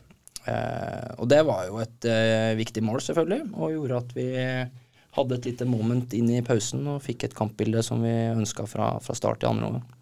For jeg, jeg satt og så på det målet her i stad. Det virka som litt som det du sa i stad, at ja, du, du var en lagspiller og alt det, men at du selvfølgelig ble skuffa da du ikke starta. Og her får du muligheten. Det virker som bare alt kom ut i den bevegelsen. hvor Det var så utrolig bare sånn det løpet inn der, inn foran, og som du sier, bare druser den opp. At det virka som det var veldig mye som måtte ut. At det passa perfekt sånn for laget akkurat der og da. Ja, og så var det jo litt tilfeldig kanskje at den, den havna på venstrefoten min, og det var jo ikke nødvendigvis den sterkeste, mest presise foten, så her går man jo heller for kraft for å ha litt større forutsetninger for at den skal gå inn, da. Så eh, nei, det var bra, bra mål. Ingebrigt mente vel i ettertid at det var det viktigste målet i den sesongen, som gjorde at vi fikk eh, Ja, ett av de, da, som fikk, eh, som fikk serien i vår, i vår favør, da. Det hadde jeg tenkt å si, men det, husker du veldig bra når du husker det selv også. Eh, men så var det så en sesong hvor eh, det ikke ble altfor mye spilletid eh, for deg. Du konkurrerte jo med Holmvik, som du sa, på venstrebekken. Christian Keller på, på høyrebekk. Og så Lars Bohinen, som uttalte at jeg vet at Tom har vært misfornøyd, men han er veldig lojal. Men så mente han det at det at du ikke hadde spesialisert deg på en posisjon, det kan være en fordel, og det kan være en eh, ulempe. Husker du om du gjorde deg noen tanker om det? Om det var sånn jeg skal bare være det, eller bare være det? Eller var det sånn ja, jeg skal være en eh, potet? Ja, jeg var vel eh, helt sånn passe fornøyd med den kommentaren, tror jeg. Ja. Jeg klarer ikke å huske helt hvordan jeg tenkte, men eh, det ville jeg ha tenkt i dag hvis at han sa det. Ja, jeg ble reagert litt på at det er ikke så ofte sportsdirektører eh, uttaler seg så eh, Neida, direkte det- om spillere, da. Nå er dette så mange år siden at det bærer ikke noe nag over det. Nei. Men eh, det, det var klart at jeg, jeg ble jo litt sånn eh, Noen ganger tatt litt for gitt, følte jeg, i laguttak. At det er bedre at han kommer inn, og så Mm. kan vi starte med det her, og så um, Så man, man fortjente vel altså jeg sier, Du får som fortjent, men noen ganger så opplevde jeg nok at jeg var uenig, og så dundra jeg på videre. Mm. Ja. Tipper mange som sitter mye på benken, lurer da på dette spørsmålet. Hvordan komme inn og ikke være sur? Det er jo da du har muligheten til å bevise at de tar feil. Ja. Eh, Så hvis du kommer inn og er sur, så er i hvert fall jeg en eh, ekstremt Er, hører du nå hører det ut som jeg spiller. Eh, Da hadde jeg i hvert fall en sånn greie med at hvis jeg kommer inn og er sur, så vil det, vil det påvirke meg i spillet mitt. Jeg kjente at det var viktigere for meg å være fokusert, ha glede i det jeg gjorde. Eh, Være nøye med de arbeidsoppgavene jeg skulle gjøre, eh, og uansett hvem jeg møtte. Jeg var ja, ok, Hvis jeg møtte Erik Huseklepp eller møtte Azar Karadas, eller sånt, så gjorde jeg meg research på dem før kampen og visste akkurat hvordan jeg skulle ta, ta ut de. Og. Så når jeg satt på benken og, og, og venta på å komme inn, så, så gjorde jeg akkurat det samme. Jeg så meg ut spillerne jeg skulle møte i kampen, og sånn må jeg løse det, sånn kan jeg ta ut de enklest. Jeg var ikke den som var kjappest over, eh, over 50 eller 40 eller 50 meter. Jeg var veldig irriterende innafor 10. 10 meter, der var jeg nok et vepsebol, tror jeg. Eh, og eh, det var viktig for meg å være tett oppi de, f.eks. Holde de feilvendt osv. Så, videre. så det, for meg så var det viktigere heller å analysere hvordan kan jeg gjøre ting bra, istedenfor å være sur over ting som burde ha vært. Tror du det er lett for deg altså Dette er bare et spørsmål, ikke liksom retta mot deg spesifikt. Fordi du virker som du har liksom eid litt det, eller ikke eid å komme av benken, men det å kunne tjene penger på å spille fotball, og liksom at lønna di kanskje er den samme om du starter på benk eller spiller, tror du det har hatt noe å si, kontra si andre som gjør det for gøy og bruker mye tid på det og ikke får spille så mye? altså Det er litt lettere kanskje, da, jeg, jeg vet ikke, for deg og liksom når du kommer inn ja, men livet mitt går jo videre nesten uansett om jeg får spille eller ikke, og jeg får jo penger inn, altså sånn. Ja, altså det der der er jo en eh, må være, Vi var jo veldig privilegerte som tjente penger på å spille fotball, det må jeg si. Um, og det er jo noe å ta inn over seg. Vi er heldige. Eh, veldig heldige. Eh, og jeg var nok ikke den som verken tjente mest eller tjente dårlig sånn. Jeg hadde, hadde en lønn som jeg helt fint kunne leve av, og eh, levde deretter. Eh, det var ikke noe sånn at jeg måtte kjøre fineste bilen eller ha det feteste huset eller sånn. Eh, det var eh, Hadde det fint. Og det tror jeg også når, når karrieren var over, så, så hadde jeg et levesett som gjorde at det, gikk helt fint for meg å fortsette å leve uten problemer. Jeg hadde ikke et levesett eller en standard som var hinsides i forhold til det kanskje noen andre hadde. Nei, for det er jo litt sånn bare Ja. med oss, da. Ja. Vi spiller i fjerde divisjon, og hvis du får spille ti minutter på slutten av kamp, så er det kanskje ikke så lett å komme inn og være jævlig på, da. Mm. Fordi det er noe man gjør på hobbyen, eller hobbybasis. Kontra kanskje de som Det er bare sånn jeg har tenkt på innimellom, de som sitter på benk og er proffe, at Det er jobben. ja, bryr de, seg, bryr de seg så mye hvis de drar inn syv millioner i året, da. Altså, de gjorde ikke dere i Stabæk, men sånn, det er det jeg har tenkt på. Nå har vi en som akkurat har snakka litt om det, det er interessant. Ja, det er kult å, kult å høre, for det er vel en følelse man kan sitte litt med at uh, når du bare spiller fotball for gøy, som de fleste gjør, og ender opp uh, i bredden, så er det ikke fullt så fett å sitte på, på benken. Da føler du nesten at du kaster bort litt uh, tid, mens når du er proffspiller, så er det mer sånn Ja, men det er jo jobben min. Men vi hadde, altså vi hadde det jo bra i Stabæk. Det er jo ingen tvil om at vi hadde det. Eh, og jeg var jo med til å begynne med litt i den kaller det den jappetida, som de kalte det, hvor, hvor eh, man levde litt over evne. Klubben brukte mer penger enn de fikk inn. Eh, det var ja, investorer eller viktige personer i Stabæk-miljøet som dekka tapet, på en måte. Et sluk, da. Eh, og det, det gjorde jo klubben noe med etter hvert. uh, så det, det var jo viktig. Men, men uh, jeg hadde vel I løpet av de 14 sesongene som jeg spilte, så, så tror jeg vi hadde tre runder hvor vi måtte gå ned i lønn. Eh, blant annet hadde vi en streik som vi var i, og trente i Veritas-parken eh, uten Stabæk-tøy og sånn, før vi var i streik. Og da var det noe, det var noe feriegreier, og jeg syns jo det var altså ok. det det er viktig med rettigheter og sånn, og, og ting skal være på stell, eh, men, men eh, kanskje vi, vi, vi hadde det jo godt. Så det å streike var kanskje litt sånn uh, vulgært, men vi Ja, jeg vet ikke. Vi vi må vel kunne erkjenne at eh, det å spille i Stabæk har vært eh, veldig bra, både økonomisk og, eh, og resultatmessig. I hvert fall de åra jeg fikk være med. Etter 2008 der også, så ja, veldig bra resultatmessig. Og da hadde du, sånn som jeg skjønte, du og Morten Skjønsberg hadde et, et slags sånn veddemål eller noe dere ble enige om med noe barbering og noe greier. Hva var det som skjedde der? Ja, dette er greier. Dette er faktisk greier. Ja. Uh, fordi at vi hadde et veddemål om at hvis vi tok uh, gullet, så uh, skulle Morten ta alt hår på hele kroppen. Og Morten er jo begava hårmessig. Det er overalt. Alle krukker og kriker, og det er Jeg vet ikke om dere har ja, jeg, jeg brukte det bildet i bibelhistorien om han Esau, som var hår, han var liksom hårmannen. Og Morten er tett på der. Eh, og det var jo et eh, skue da når eh, vi da kom til La Manga året etterpå, og han skulle gjennomføre den straffen. For da hadde han eh, vært nede på Supermercadoen nede på La Manga og kjøpt to sett med engangshøvler. Altså det vi snakker, Et sett er kanskje seks høvler, og så hadde han to sånne, så han hadde tolv høvler. da. Gikk han inn på badet. Eh, vi var jo roomies. Eh, gikk inn på badet, og så Og så plutselig, ja, halvannen time eller noe sånt, så roper han 'Tom, kom inn her'. Og så kom jeg inn på badet, og der er det altså barberskum, det er hår, det er blod, det er alt overalt, hvor han har plassert ene foten opp på badekaret. Og jeg ser jo rett inn i det aller helligste, og så spør han om Kan du se om jeg har fått med alt.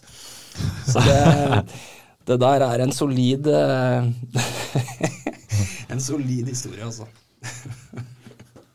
Ja, den, Vi får høre med Skjønsberg. Vi vi skal vel ha med han semester en gang. igjen, Hvordan han eh, husker det. Han opplever det sånn. Ja. ja, vi får, eh, vi får eh, ta litt til. En annen helt fra 2008. En fantastisk person og mann som spiller og menneske. En herlig back som jeg ofte snakker om til andre unge spillere. Noe som gjorde jobben min som keeper, ja, det kan stemme det, lettere. Fordi han var utrolig god til å snakke og gjøre andre rundt seg gode. Når spillet defensiv var på den andre siden av han, kunne jeg alltid stole på at han var inne foran mål og dekket rommet mellom han og stopper. Elsker han. Ja, Jon er fin. Kan ha vært Iven Ausen, nei da. Det kan, det kan være jeg. jeg tuller. Dette er nok Jon. Så jeg vet du hva? Vi hadde en eh, Jon, eh, Jon var jo en, eh, en som prata mye. Jeg hørte hva han snakka litt om i den podkasten med dere her òg. Eh, og det gjorde han jo bevisst for å holde seg selv oppe. Det var ikke nødvendigvis alle beskjedene som kom ut som, som var matnyttig, men det var jo mer for at han skulle holde seg selv oppe. Uh, vi hadde en veldig sånn, stor forståelse for hverandres oppgaver på, på banen. Kom det et skudd på han, så visste han at da er jeg først på retur. Jeg dekker alltid inn det rommet, og det fikk jeg ganske klar beskjed fra Jon om at det var helt nydelig at, at jeg gjorde det. Ja, nei, Jon, bra fyr, god venn.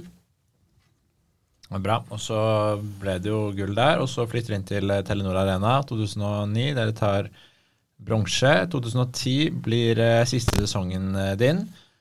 Var det sånn eh, Hvor lang tid i forveien visste du at dette kommer til å bli mine siste kamper, altså da det gikk mot slutten på tampen av 2010 der?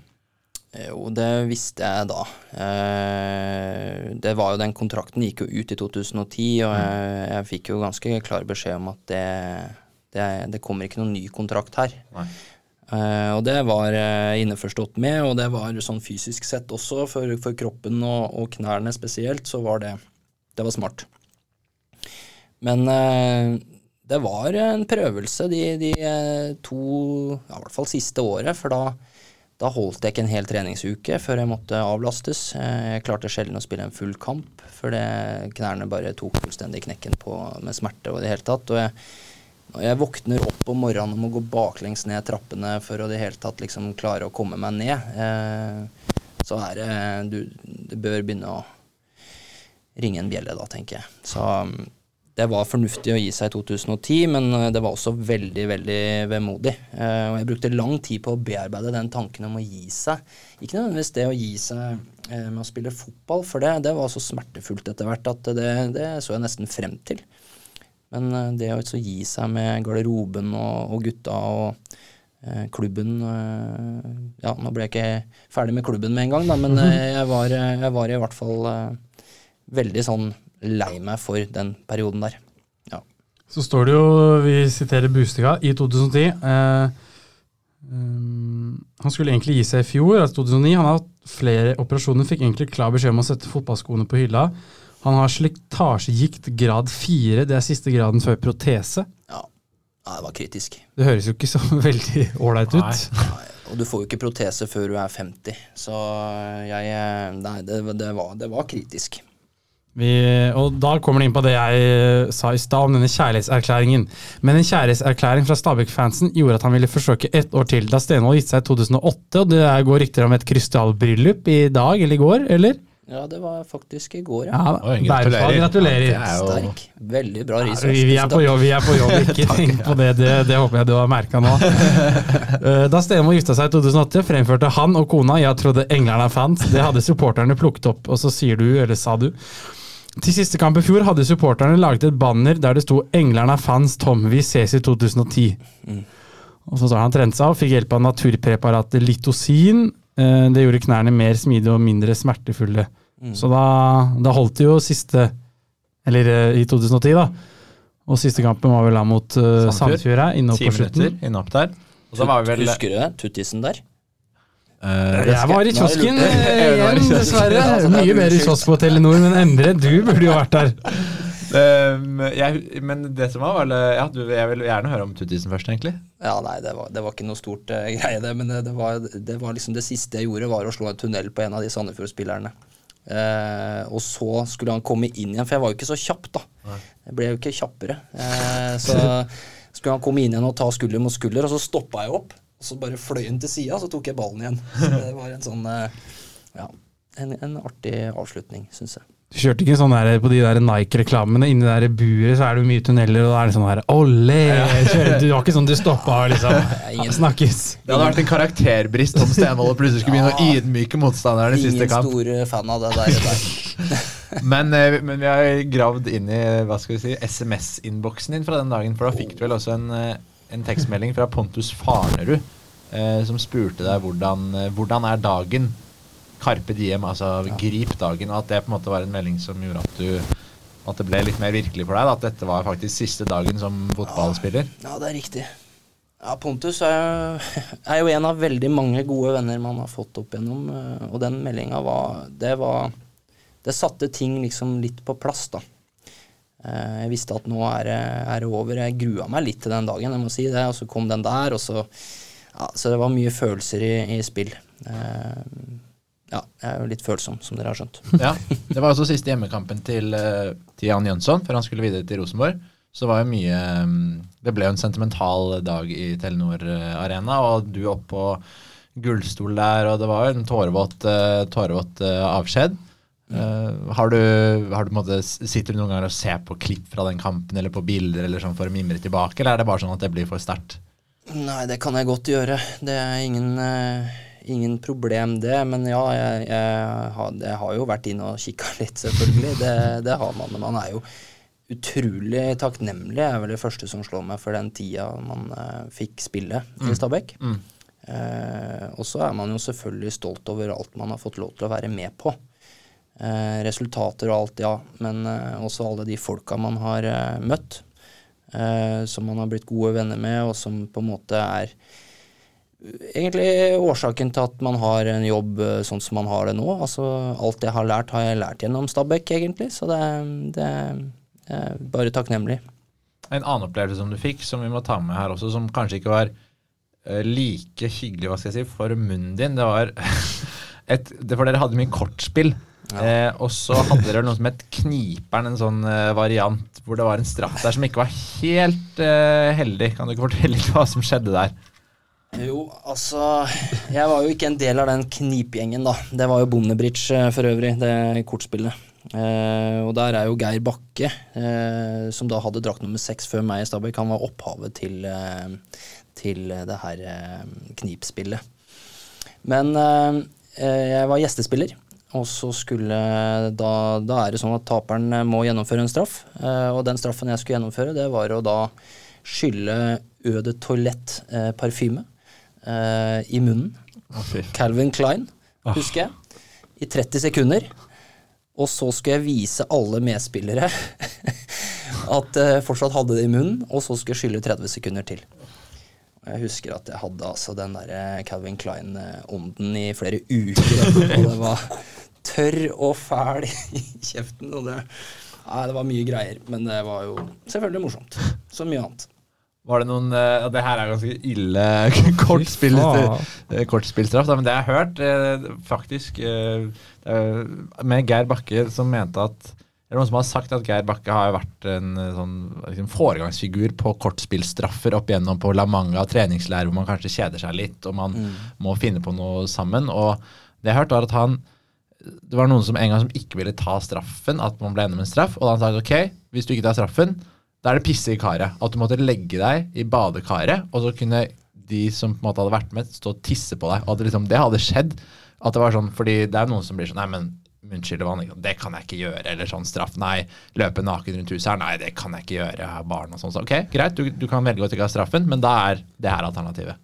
Nei, jeg kan ikke bekrefte det.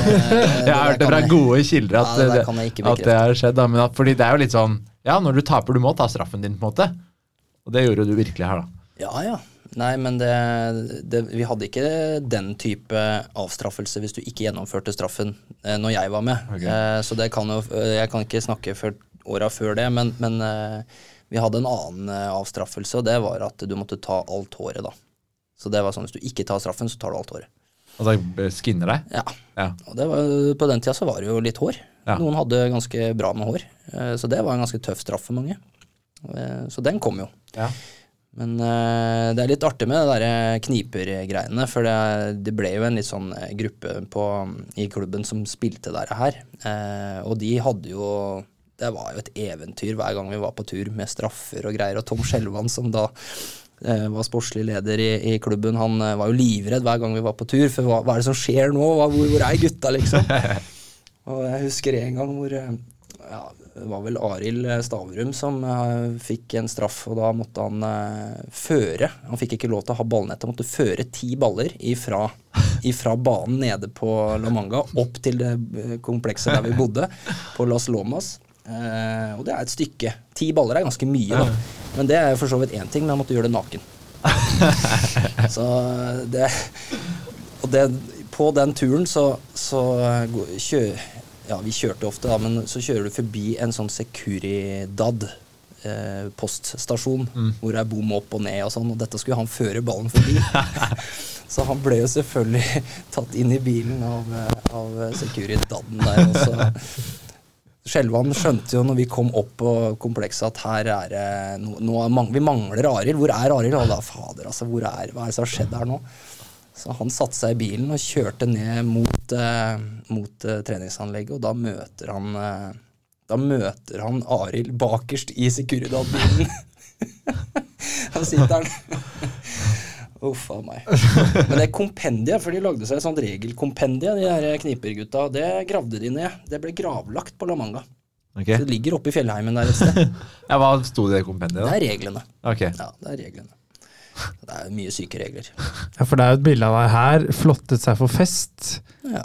Er det Nei, nei, jeg, jeg, det, Jeg vet det, men fornøyd? Vi, skal, vi legger opp, vi tar med det bildet, Ja, men var, eh, ja, det var, var det kortspillstraff, eller var det reelt? Nei, dette, dette var nok eh, reelt, tror jeg. For det, Ja. jeg så meg sjøl på en kamp hvor det hadde regna litt, og da det begynte å bli tynt oppi hatten. Og da sa, sa Finstad faktisk Er det ikke snart på tide å ta den hatten? hatten? Ja. Aldri hørt før. Nei, så da, da ble hatten tatt. ja, da, dette var før din siste seriekamp hun med frisør Linda Alexandersson, som sørger for at hårstråene ikke raget over fire millimeter. Ja. Det er viktig å pynte seg til fest, smilte Tom. Så da, da var du klar. En gladsak i eh, avisen. Ja, vi har eh, eh, tre ting vi kan spørre Tom om. Du var innom Knipebjørngjengen Knipjørngjengen i stad. Eh, da han ved et uhell i en duell under trening tok tak i Rikard Akons eh, edle deler og skadet denne. Og så en latteremoji etterpå. Uff a meg. Ja. Nei, eh, tåler, tåler denne dagens lys? Ja da. Ja. Alt er lov i bæresball. Vi- Det er ikke noe problem. Nei, Vi, har- vi var på Bekkestadbanen, her husker jeg veldig godt faktisk. Eh, Gode, gamle Bekkestadbanen utafor eh, Nadderudhallen der. En litt sånn gressbane. Dere vet jo hvor det er. Eh, spilte kortbanespill. Masse dueller, masse situasjoner hele tida. Og jeg var ikke på laget til Richard da. Uh, men han var uh, på motstanderlaget, og så var jeg feilvendt. Og han kom opp i ryggen min. Hvordan skal jeg si dette uten at det blir for vulgært? uh, Richard var, kan man si, godt, godt utrusta. Ja, det, det er lov. Ja. Den går gjennom. Ja. Og, eh, og uh, idet han kommer opp da er tett oppi ryggen min, så, så tar jeg tak i det jeg tror er underarmen hans. og river til og prøver å slite meg forbi, på en måte. Eh, og han hyler og skriker og setter seg ned på knærne. Og så åpner han opp shortsen og ser ned, og så sier han bare 'It's broken'. Så han hadde snitta litt der. Du tror det er underarmen. Det er jo Ja, det sier jo litt om uh... Den er solid, altså. Og en siste I 1997 dannet Stabæk en rekruttgruppe med de største lokaltalentene med Tom. På Pål Berg var trener og mente at spillerne skulle prioritere fotball over alt annet i livene. Vi skulle kun prioritere fotball og ingenting annet. Dette syntes Tom var litt i overkant, og tok til orde og sa Antakeligvis 'la meg leve', eller 'la oss leve', eller noe sånt. Pri 1, Pål, la oss leve. Ja, ja men det Nei, det var jo en håpløs kommentar fra Pål, var det ikke det? Jo, Ja, er altså, vi hadde jo, da var vi jo rekruttgruppe, og vi hadde jo ikke noen lønninger som vi kunne leve av sånn. Eh, bra, men det er jo en bra tanke. Det er jo, en, eh, det er jo sånn man ønsker det. Men eh, vi måtte jo ha jobber så vi kunne overleve, og jeg tok jo ordet for gutta. For jeg hadde jo ingen jobb. Det var jo ikke, jeg jobba jo ikke, men eh, det var jo flere i den gruppa der, annet Thomas, eh, som jobba på byggmaker, mener jeg da. Så han måtte ta seg fri fra byggmaker da, for å trene med Pål. Ja, så er det jo um, en annen Stabæk, ikke legende, men spilte ikke så veldig lenge, med et etternavn på tre bokstaver som begynte på O, som skriver Norges mest undervurderte spiller på midten av 2000-tallet. Oi, du verden. Sa Stian det? Eh, denne personen kan Han har vel også sagt ja, så blant annet med seriøs kar som alltid hadde meninger om stillespill slash valg på møter og treninger. Veldig hyggelig og ordentlig kar som jeg fikk god kontakt med. Var ikke verdens raskeste, men smart og med et bra touch. Men eh, var du Ja, du Det, det var jo ikke mm, Du var jo solid på midten av 2000-tallet. Ja, jeg var, de, De beste åra mine var vel eh, etter jeg kom tilbake fra den skaden med, med brusk eh, der. Så 06 eh, 06 vil jeg si nesten er den det er nok den beste sesongen. Var det ikke tilbud fra Tromsø der da? Jo, det er riktig. Eh, nå er jo vi fra Nord-Norge, både Astrid, kona mi og jeg. Eh, og eh, vi, eh, vi hadde jo liksom snakka om at en eller annen gang så kan det jo være at vi flytter nordover igjen. Eh, og det dukka jo opp en mulighet. Da var det Per-Mathias Høgmo som var trener for Tromsø. Eh, Morten Kræmer var sportssjef. og han ringte meg og spurte litt om uh, hva jeg tenker om fremtida. Sånn, kontrakten min var i ferd med å gå ut, og ja, nei Akkurat nå så er situasjonen sånn. Og da, da var vi ganske tett på, faktisk. Uh, helt til Stabæk våkna opp og sa at uh, det skal ikke skje. Mm. Og det jeg hadde nok sikkert uh, blitt uh, hva skal jeg si, spilt mer i Tromsø enn jeg spilte i Stabæk den siste tida, men jeg hadde uh, definitivt veldig stor glede av å være en del av Stabæk-miljøet, og gullsesongen inkludert. Så, mm. ja. Og så er det en du nevnte i stad, som ikke da var Mike Kjøle, som, som da skrev et flott forbilde for oss unge spillere. Jeg husker at jeg syntes det var trygt at Tom skulle være med på boturen til Barcelona i 2009. Mm. Var det Var det trygt at du var med, eller? Ja, det var det nok. Jeg var vel den som tok vare på alle sammen, så det er klart at det var trygt.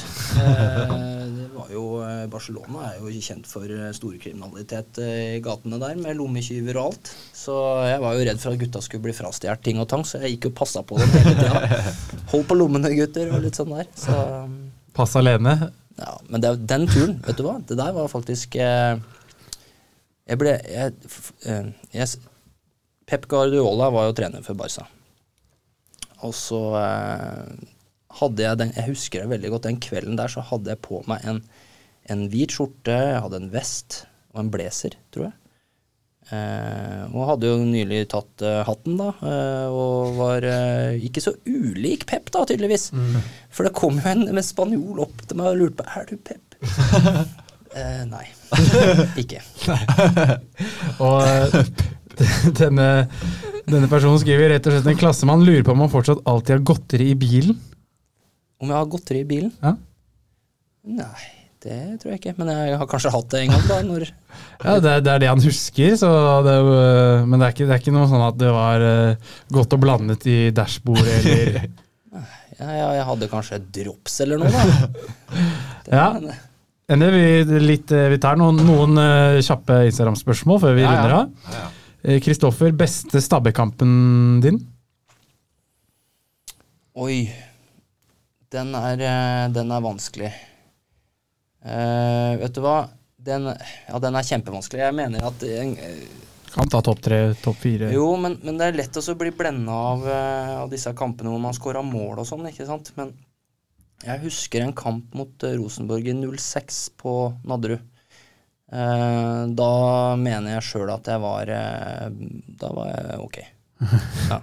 Ydmyk nok til at du var ok? Ja, men jeg var god i den kampen der. Jeg har til og med sett den kampen i ettertid, og da tenkte jeg at det der ser ikke så dumt ut.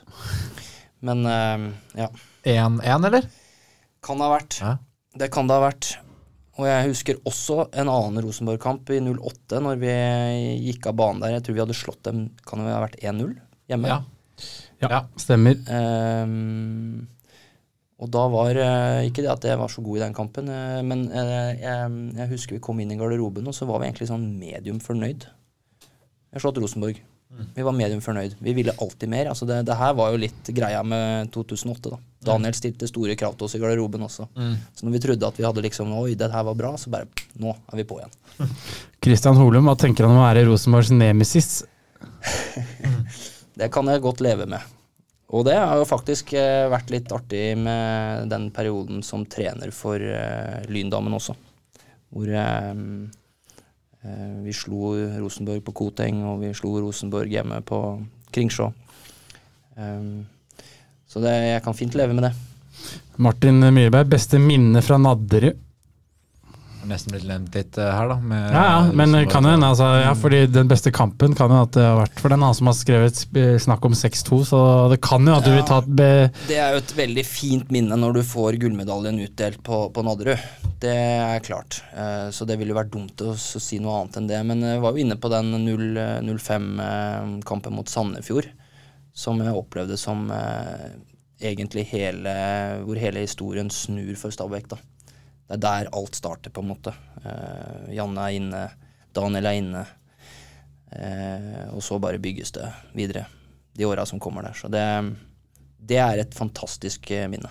Mm. Og så siste fra Peder Kolberg, som var til stede på livepodkasten. Eh, takk, takk for det. Takk til Peder. Eh, favoritt Stabæk-mål? Du mm, Er det en som sitter liksom Ja. Eh, det første målet jeg skårte, var jo mot Molde, på Molde stadion, het det vel. Eh, det var jo litt gøy. Eh, men det er ett mål som egentlig aldri blir snakka om. Som jeg syns er, eh, er eh, et ganske kult mål. Og da skal jeg komme med et tredje mål, som egentlig er det målet jeg mener er det beste. Ja. For det, det andre målet jeg snakker om, er en, eh, er en eh, spiller venstrekant. Det kommer inn mot Bodø-Glimt på Nadderud. Jeg husker ikke året, men det er Fredrik Kjølner husker jeg var stopper for, eh, for Bodø-Glimt. Mm. Og så kommer et innlegg på første stolpe hvor jeg slår Fredrik Kjølner i hodeduell. Jeg kaster meg inn foran, eh, stuper liksom, og så, og så går han i, i krysset bak, i bakerste stolpe, og da var jeg foran første stolpe. Så det er jo et sinnssykt mål, etter mitt eh, skjønn. Altfor lite snakka om. Eh, og så er 2004. Bare 2004. Ja. Ja. Eller 2002. 28. Stabæk syvende. Bodø-Glimt. Ja, Du skåra ja, du skåra flere, faktisk. To mot Bodø-Glimt. Enten 2002 eller 2004. Så enten i 2-1-seier eller i 2-5-tap. Tviler på at Jeg tror vi vant. Ja, Holte skåra, og du kom inn og skåra. Ja, det stemmer. Kjølner spilte hele, ja. Det okay. er- Ja, for Kjellner spilte ikke i 2004, så da legger vi den død. Jo, det gjorde han også, faktisk. Da ligger hun Å, fortsatt død, tror jeg. Men jeg hadde en, en scoring oppe på Ilabanen. Hold i hatten nå, gutter, for dette her er historie. Eh, da spilte Carl Petter Løken for, eh, for Stabæk, og vi spilte rekruttkamp sammen. Eh, han slår corner, hvor Stenvold kommer opp eh, opp på eh, eh, corner i returrom og smeller den inn på hel volley opp i vinkelen. Det er nok sannsynligvis den scoringen som er den fineste. Men Ila-banen, så det var da hvordan type kamp? Ja, det var vel Det det var kanskje når at den banen her ble renovert av et eller annet Ja. slag. Jeg vet ikke. Vi spilte i hvert fall en Jeg mener vi spilte rekordkamp der oppe. Ok, Mm. Så den er ikke foreviget på film, kanskje? Nei, det tror jeg ikke. Nei, det, det Er det lov å filme der oppe? Men vi må, ja, det, det var mye, mye snadder her. Men altså, de siste årene, da, så, som du sa, så ble du da mm, trener etterpå. Eh, siste kamp 2010. Eh, assistenttrener først i Stabæk eh, damer. Eh, og så spillerutvikler, trener rundt juniorlaget. Mm. La meg si en ting jeg husker veldig godt. da. Eh, jeg spilte da på Stabæks eh, 95-lag, og så var det ett år jeg spilte ett år ned. De fleste spiller ett år opp, men jeg spilte på G96-laget. Eh, vi spilte junior førstedivisjon, eh, og da var det jo mange Altså trente litt med juniorlaget, husker jeg. Og da eh, spilte vi mot Ski, altså med G96, Ski junior. Og da husker jeg at uh, du var og så på, for da var mange av juniorgutta som eh, som spilte med oss. Det var en sånn blandingslag da, av de som ikke fikk spille på underlaget. Gode spillere med Jeppe og Mo og Marco Hjort og Moa. Eh, og så husker jeg skåra et uh, ja, Det er faktisk et, et ganske fint mål, uh, sånn rent objektivt. Og da husker jeg bare ja, så, Sånn som Emne jeg sa her i stad, du var jo en helt for oss da vi var små på Nadderud. Og så husker jeg ble bytta ut, og så jeg visste jo ikke at du var der. Og så kom det opp på liksom bare utrolig bra satt scoring, og da ble jeg helt sånn her Hæ? Jeg ble nesten litt sånn Star Trek, men da tenkte jeg altså, han er jo trener på en måte for Han Han sto på benken der, så jeg, måtte, jeg kunne ikke bli helt sånn ja, Men jeg bare husker at det var Det bare forsterka den opplevelsen veldig, da. Eh, og- Så bra. Ja, jeg Da mente det nok. Ja, ja, det husker jeg veldig godt. Det var sånn, jeg, jeg tenkte det her var bra, men da, da du sa det i tillegg der eh, og så ja, husker jeg trente litt med junior etterpå. Da var det litt sånn her, «Å, ja, det var du som skåra den mot Skia. Det husker jeg var sånn, det var, eh, da fikk vi, det var litt sånn, eh, ja, det var litt ekstra. Det husker jeg veldig godt. Det var hyggelig. Vær så god. Da er det Endre som blir rørt. Det er bra. Ja, ja, men, ja, men det, det, det, ja, jeg ble faktisk litt eh, varm, for det husker jeg det var sånn eh, det var, det, du var jo, Nanskog var jo også litt eh, med i trenerteamet rundt juniorlaget litt senere, men jeg hadde ikke noe med han å gjøre. Men det var, jeg husker jo spesielt den kampen mot Ski. da. Og så pratet jeg også med noen av de som jeg spilte med, som hadde deg som trener, og spurte hvordan syns dere var å ha Tom som trener. Og de ordene som gikk inn, det var omsorgsfull, morsom, fotballfaglig sterk, eh, enorm vinnervilje. Mm. Så det var liksom den kombinasjonen. Så det virker som du tok med deg mye av det fra spillekarrieren ut til trenerlivet også, da. Ja, men eh, igjen, altså. Jeg er jo eh, sjelden 100 fornøyd, da. Jeg mener jo at vi alltid kan bli litt bedre på, på detaljer, og jeg er opptatt av detaljer. Og tenker at hvis vi er på det nivået vi er, noe mange av oss var, så, så må vi snakke om detaljer for å ta det et steg videre. Uh, og siden jeg da er opptatt av det og har mulighet for å hjelpe andre spillere og, og tenke i de baner, så mener jeg det er dit vi må. Ja. Det er bra. Uh, nå har vi holdt på lenge her. Du skal koselig, videre på uh, livet. Even, vi skal også ut på livet. Liten festivalhelg. Ja, det blir bra. Men vi avslutter ikke før eh, du har stilt Ja. vårt eh, faste Det kan vi gjøre. Fordi at eh, Ja, du har jo sagt at du har hørt på litt og sånn. Hva, hva er avslutningsspørsmålet hvis du hører episodene helt ut? Vi husker du hva vi pleier å spørre om på slutten? Det faste Bærumspall-spørsmålet. Hvis du ikke husker det, så kan vi spørre det selv, men du har jo så utrolig god husk på veldig mye. Eh, kan det være at eh, Hva ville du ha spurt eh, Ah, ja, Tom om? Nei, det er Kjenner du noen fra 24 til 28 år damer i området ditt som kunne Som kunne spleisa oss? Ja, men det er helt riktig, ja. Hva ville du, hva ville, hvis du hadde vært Endre Eivind Løvik her, spurt Tom Stemvold om? Etter 85 minutter pluss 20 minutter teknisk trøbbel. Ja, i starten her. Det er såpass, ja. Da har det gått så fort. Ehm, nei, altså eh, eh, Dere har jo vært utrolig sterke i researchen her, da. Eh, Takk, takk. Men det som jeg Det som vi ikke har snakka om, er jo hva skjer i fremtida. Ja. Så kanskje du kan spørre meg om hva skjer i fremtida. ja. Vi vet at du skal på landskamp i helgen, men vi tenker enda lenger fram i tid. Ja. Nei, altså det, det, det er rart, rart å spørre spørsmål. Altså ikke ha svar. Ja. Nei, men vet du hva? Jeg, jeg, jeg vet faktisk ikke hva som skjer i fremtida, så det er kanskje litt rart. Men eh, jeg har eh, eh, Jeg har et, jeg har et sterkt ønske en gang i tida å kunne trene Stabæk, da. Så får vi se. A-lag herrer. Innsalg, eller? Ja. Vi sender den videre til administrasjonen i Ja. posten som en liten lydfil. ja, vi hadde jo storfint besøk av mange i administrasjonen på livepoden forrige uke. Så um, ja, ja men det de hører, jo, de hører jo på også. Det er ikke alltid en fordel å ha Thomas Finstad som en god venn. Utenom at han gir gode historier. Så Ja, For rollen til Thomas Finstad Stabæk nå, det er helt formelt? Det var der? Ikke sånn sportslig administrativ, da. Ja. Ja, Ja. Så har man en Torgeir i tillegg. ja. vi krysser fingra. Da da, kommer i hvert fall vi på kamp. Ja, da satser vi på nesten Tom Stenvold del to. Det blir da etter å ha tatt over Stabæk A-lag. Oi, Ja, det er spennende. Ja, det hadde vært fantastisk. Men uh, la oss nå Det er jo igjen å snakke litt stort, da. Ja, men, er det men drømmer, er det ikke det? du hadde ikke vært der i dag, du hadde vært i dag hvis du ikke hadde tenkt og drømt stort? Det er sant. For å trekke de store linjene her. Det er sant. Nei, jeg kjenner at det kunne vært artig. Ja. Kult. Da runder vi av på den. Ja. Hjert, tusen takk, Tom. Det har vært en uh, sann glede. Ja, veldig fin, eh, fin stund her, så snakkes vi på den. Ja, Så ses vi på Leipod i høst. Ja. Hei, hei. Ha det. Og helt til slutt, vinner av forrige ukes Torshov Sport-quiz. Eh, gavekort på 500 kroner fra dem. Hvilke klubber Simen Wingberg, Wangberg hadde spilt for? Eh, Det klarte Simen Lykke Kjølmoen. Hvilke klubber har han spilt for? eh, Even? Nidelv, Rosenborg, Ranheim på lån, Brann, Tromsø og nå Stabæk. Det er nice. Så gratulerer til Simen med premie. Og så tar vi alltid imot noen friere der ute som har lyst til å sponse Bærumsball og være med på laget. Send oss gjerne en melding, så hadde vi satt stor pris på det. dere. Ja, ha det, ha det. Hei.